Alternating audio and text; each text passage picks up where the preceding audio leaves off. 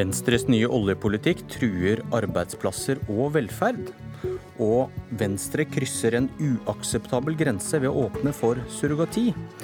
Hilsen de to partiene Venstre vil i regjering med. Hvem trenger Frp med sånne venner? Ola Elvestuen, velkommen til Politisk kvarter. Du skal få møte de to du vil i regjering med etter valget. De er ikke helt fornøyd med Venstres landsmøte. Først Høyre. Tina Bru, velkommen. Takk. Venstre vedtok å stanse 24. konsesjonsrunde, da regjeringen lyste ut over 100 blokker i Barentshavet og Norskehavet for leting etter olje og gass. Og hvorfor mener du dette vil true arbeidsplasser og velferd? Det mener jeg fordi vi vet at noe av det viktigste for å opprettholde produksjonen og aktivitet på norsk, norsk sokkel er tilgang til nye områder å lete i. Eh, vi vet at uh, norsk oljeproduksjon er halvert siden starten av 2000-tallet. Hvis vi skal opprettholde det nivået vi er på i dag, så trenger også næringen tilgang til nye områder. Så dette er et skritt i feil retning. Og det som må er litt merkelig med det, er at det òg Altså, vi har jo vært enige med Venstre eh, lenge om rammene rundt eh, petroleumsvirksomheten. Ikke minst eh, vår deltakelse i EUs kvotesystem, som regulerer utslippene fra den sektoren. Og sånn sett, så Når klima er et argument som blir brukt på Venstres landsmøte, så får jeg ikke det helt å henge sammen med resten av politikken. Elvestuen, hjelpe henne. Ja, nå er, ikke, nå er, det vel ikke helt riktig at vi har vært enige. Det er jo fordi disse feltene for det første så strekker seg altfor langt nord. De går langt inn i det som er iskantsonen. Her sånn er det jo utlyst man blokker som ligger i en belte rundt Bjørnøya. Eh, men også er det jo ingen analyser i denne utlysningen i forhold til hvilken lønnsomhet du kan forvente i framtida, når vi veit det at forbruket av olje i tiårene framover er nødt til å gå ned. Og Det er dette vi må passe på. Vi skal følge opp Parisavtalen, vi skal følge opp eh, våre forpliktelser, samtidig som vi også må forholde oss til at du har Det kommer til å bli store endringer i petroleumssektoren. Du kommer til eh, å få reduksjoner i forbruk internasjonalt som også vil gå utover de prisene som vi kan forvente. Og vi må legge om petroleumspolitikken i forhold til det.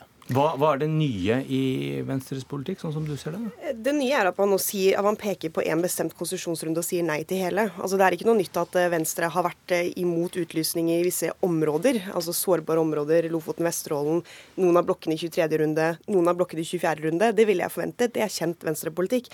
Men det nye nå er at man peker på en hel konsesjonsrunde, sier den skal vi si nei til, og, og at man argumenterer med klima, eh, og at man også argumenterer med lønnsomhet. Jeg har jo alltid opplevd Venstre som et parti som mener at det er selskapene som skal ta den kommersielle vurderingen rundt hva som er lønnsomt mm. eller ikke. Og det er kanskje litt prematurt å bare si at alt i 24. runde er automatisk ikke lønnsomt. Men jeg er helt enig i at vi, vi fører jo en politikk sammen for å begrense utslipp, og vi vet at vi går den veien. Men dette er litt nye takter, mener jeg. Nei, så er jo dette et stopp, eh, fordi vi har jo hatt denne diskusjonen også, også tidligere, bl.a. i budsjettvedtaket for i år. Så ber vi eksplisitt om at regjeringen i perspektivmeldingen nettopp skal se på dette. Hva er, hva er forventningen om lønnsomhet i petroleumssektoren, og hvordan må vi legge om eh, vår politikk i åra framover. Nå fikk vi perspektivmeldingen, der som var det jo nesten ingenting. Eh, og det med dette vedtaket er at nå må vi stoppe, både fordi det har betydning Vi veit at store deler av også de, de funnene som er allerede i dag, de kommer til å måtte bli liggende i bakken. Da er det ingen grunn til å strekke seg enda lenger nordover, som man gjør med 24. konsesjonsrunde. Nå trenger vi å stoppe opp, både for å gjøre analysene i forhold til lønnsomhet, og også for å ta vårt ansvar men, for men å ikke bidra til global oppvarming. Dere tidligere har argumentert ved å la området ligge eh, med rene naturvernhensyn. At det nye nå, nå er det Nå skal olja ligge av klimahensyn fordi det forurenser. Er det en ny linje fra Venstre? Av klimahensyn. Ja, vi må ta hensyn til at dette er, dette er også bidrag til den globale oppvarmingen. Men det er en helt ny tanke i oljepolitikken til, eh, helt ny linje i oljepolitikken til Venstre? Dette er en del av det vi må ha med oss når vi vet at store deler av ressursene kommer til å måtte bli liggende. Men dette er, er, dette er nytt, var spørsmålet. at Sånn har ikke dere tenkt før? Det er et tilleggsargument. Altså vi har, Vår politikk handler om vi skal ikke inn i sårbare områder. Lofoten, Vesterålen, Senja, Mørebankene andre, det må ligge fast. Vi skal ha så lave utslipp som overhodet mulig under produksjon. Vi må ha mer elektrifisering. Du må sørge for at det ikke er utslipp på nye felt. Og så må vi ta et klimahensyn ved å se på de forventningene de kan ha, at du kan hente opp. Og så er det jo som besatt her, så handler dette om risiko. I dag så Men det er, er det, det, det at vi kan tape penger på det, er et annet argument enn at vi må la olja ligger pga. klimaet. Ja, men det henger også veldig nøye sammen. Fordi vi tar i dag altfor stor risiko, det offentlige, med det skattesystemet som vi har, både med leterefusjonsordningen og også dette fribeløpet. Det vil vi endre på. Vi trenger å nedsette en ny kommisjon, som vi hadde på 90-tallet, nettopp for å forberede oss på den nye virkeligheten vi har, hvor vi vet at eh, forbruket må ned. Og da må vi passe på at vi ikke gjør eh, feilinvesteringer. Både lønnsomhet og klimaargumenter? Altså, det kan godt hende at uh, norske olje- og gassressurser blir liggende pga. lønnsomhet, men det kommer i så fall til å være pga. at etterspørselen etter det de leverer, ikke er der like stor grad lenger. Det kommer ikke til å være fordi at politikere har bestemt at noe ikke er lønnsomt. Det er jo selskapene som selv gjør den vurderingen, og det stemmer heller ikke sånn som, som Ola Elvestuen sier her, at man i ingen grad i dag tar hensyn til f.eks. Eh, klimabildet fremover og, og, hva slags pris man kan forvente for produktet sitt. Det gjør jo selskapene i aller høyeste grad i dag. Ja, men staten må begynne å gjøre det samme. Det er jo det at, fordi Dere ser jo at verden er i stor endring. Vi vet at du må ha dramatiske reduksjoner av klimagassutslipp. og Da må også okay. det Norge som stat ja, men, faktisk til, endre men, sin politikk men, og gjøre vurderinger. og ikke fortsette bare med støvkurs. Til slutt nå, Elvestuen, så må jeg spørre deg, hva vil dere hva vil dere gjøre for å stanse 24. konsesjonsrunde nå? Nei, Da må vi jo ta de avstemningene i den grad det kommer på Stortinget. Og så vil vi gå inn i den kampen som vi har snakket om tidligere. Lofoten, Vesterålen og Senja, de sårbare områdene må ligge fast. Og så må vi gå inn Men, og se helt, på skatt... konkret da, vil, sant, Dette er noe regjeringen styrer. Hvis ikke f.eks. Venstre tar det til Stortinget, vil dere gjøre det? Det er akkurat som 23. konsesjonsrunde til slutt kom til Stortinget, så gjør det også helt sikkert 24. konsesjonsrunde. Det var ikke spørsmålet. Vil Venstre ta initiativ til å ta dette til Stortinget for å stemme mot der? Ja, dette vil vi sørge for at det kommer til Stortinget. Okay. Det er jo en naturlig oppfølging av det vedtaket. Og så vil vi ta en kamp om nettopp hvem skal ta risikoen, for der tar staten altfor mye. Ok, Og så er det det at eh, det er bredt flertall i Stortinget for, eh, for oljeutvinning som vi gjør i dag, får 24. konsesjonsrunde. Men dere kan stille dette som betingelse for samarbeid på borgerlig side etter valget. Og da er det dere som kan avgjøre det hvis dere kommer på vippen. Vil dere gjøre det? At petroleumspolitikken kommer til å viktig, være en viktig sak i forhandlinger, er det ingen tvil om. Lofoten, Vesterålen og Senja, de sårbare områdene, står øverst på denne lista også denne gangen. De må ivaretas. Vi må ha mye strengere krav for å redusere utslipp under produksjon. Og så må vi se på hele skatte- og avgiftssystemet sånn at risikoen legges i større grad på selskapene.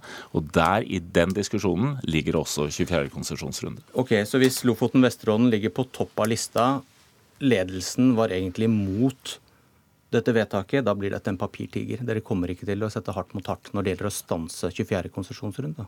24. konsesjonsrunde og aktiviteten i nord henger veldig nøye sammen med den risikovurderingen som må gjøres samtidig. At vi er nødt til å få sett på hele avtaleverket, hele skattesystemet omkring petroleumspolitikken. Der må vi få til endringer. Det påvirker også 24. konsesjonsrunde. Jeg sitter med en vond følelse at jeg ikke fikk eh, svar på spørsmålet. Får bare si lykke til i eventuelle forhandlinger til høsten.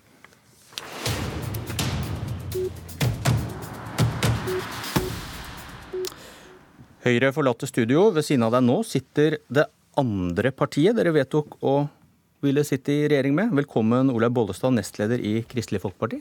Tusen takk. Som første parti har Venstre nå vedtatt å si ja til surrogati i Norge. En venn eller en i familien skal kunne bære frem andres barn, men uten å ta betalt for det. Hvorfor mener du dette er å krysse en uakseptabel grense? Eh, for det første har jeg lyst til å si at eh, alle, ønsker, alle partier ønsker å hjelpe folk som er barnløse. Men én plass må grensa gå. Og for KrF så går grensa med at um, når blir et barn noe du kan bestille eller forvente? At eh, andre skal bære fram for deg. Eh, for det du er ikke i stand til sjøl, og det av mange grunner, eh, så skal du da kunne forvente at andre skal uten penger og glansbilder, holdt jeg på å si, bære fram ditt barn. Da pålegger du andre ei oppgave som ikke verken er juridisk regulert Eller jeg mener òg vi gir kvinner et unødvendig press på å løse andre sine drømmer med å bære fram et barn for noen du kjenner. Og I tillegg så bryter du det prinsippet med at eh, den som har båret deg fram, er mor di. Det er jo et uh, biologisk prinsipp som uh, KrF òg setter høyt for ungene sin del. Så grensen som er brutt, er at nå kan man bestille et barn? Ja, fordi at du, du, kan be om hjelp av noen andre til å bære fram. Når ble det sånn at andre skal bære fram ditt barn? Det er jo, eh, det er jo Da leier du deg plass i ei annen kvinnes livmor for å få din drøm oppfylt. Og det tenker KrF, det er ikke en måte vi ønsker å bruke kvinner på. Mm. Hvor tar hun feil, eh, Ola Elvestuen? Jeg vil jo se på dette helt motsatt. at Det vi åpner for, er jo nettopp at nær familie, venner, får lov til å hjelpe eh, barnløse par til å få et, eh, et, barn. Og at dette er nettopp en, en åpning, og det er en moderat åpning. Her er det ikke noe kommersielle Det er ikke lov å ta noe betalt for dette og få noe lønnsomhet ut av det. Så, og vi har jo Surrogati er jo en realitet. Og vi mener at det er viktig at vi også har denne muligheten i Norge gjennom det lovverket og de strenge rammene som vi da kan bygge omkring det. Press nevnte du, Bollestad. Hvordan, eh, hvordan, ser du for deg at denne, denne, grensen for hva som er altruistisk eller frivillig, da, eh, kan skli ut? Uh, en kan lett si at det ikke er betaling. Eh, og kjenner, alle kjenner seg sjøl. En vil gå langt for å hjelpe sine nærmeste. Og da blir spørsmålet hva er et press? Eh, jeg så at din er andre, andre, er ikke det et positivt press, da? Vil det hjelpe? Jo, men, men, eh, det kan du si. Men samtidig så er det jo sånn at du Det er jo ikke ut, det, det er liksom ikke en vanlig fabrikk. Du, når du venter et barn, du knytter deg følelsesmessig. du du utsetter deg selv for en fysisk risiko. Du knytter deg til barnet, og så skal dette på en måte tas fra. Så man, man ser det som en, et middel for å selv få, få oppfylt sin drøm. Og jeg tenker at Når ble svangerskap en tjeneste for andre? Når ble svangerskap noe du skal kunne betale deg til? Det, og betalinga kan være så mye. Det var vel en på møtet deres som, som dro opp hvor mange sydenturer skal jeg betale søsteren min med for at hun skal bære fram mitt barn. Ser du, ser du dilemmaet, Ola Elvestuen? Ja, Det understreker jo at dette må være innenfor nettopp strenge eh, juridiske ja, Hvordan gjør man det? Nei, det er jo, dette er jo ikke Du har jo et lovverk omkring dette i Danmark. Du har regelverk omkring det i USA. Det, ikke, det vil jo ikke være unikt eh, for eh, Norge. Og, og, jeg mener at jeg tror jo det, at nettopp de som velger å gå da, for et frivillig surrogati, at dette er mye det er en mye eh, hva skal vi si, en, en større opplevelse der, der man skal ha stor respekt for de kvinnene som velger å velger å bære fram eh, disse barna, eh, og at dette ikke nødvendigvis at dette handler om press, eller, eller at, kjenne, at, man kjenner at dette er noe de må gjøre. Jeg tror tvert imot at det kan være også for mange en, en, stor opplevelse som vi nå gir muligheten til at man kan være med og bistå da sine nærmeste eh, i familie eller venner for å få oppnå et av det som er deres største og høyeste ønsker. Ja, Hvordan er det i andre land, Bollestad? Det er jo lakmustesten på dine argumenter. da. Har det moralske forfallet kommet der? At det er Eh, historier om eh, utilbørlig press for, for mange? Ja, for, for, noen er det et press. og Hvis dere leser Vårt Land i dag, så er det jo unge kvinner som skulle ønske det hadde vært en annen jobb de kunne fått enn å selge kroppen sin. Men det er betalt, for å si det sånn. Ja, så det men, men, men, har du sett men, den glidningen i andre land, at de ikke klarer ja, å holde fordi, på en altruistisk fordi, fordi surrogati? Ja, ja, fordi at for KrF iallfall, og for, for verden ute, så blir det et press på kvinner, at kvinner blir et middel. Og det syns KrF og jeg er et tilbakeskritt for kvinner sin likestillingsrett.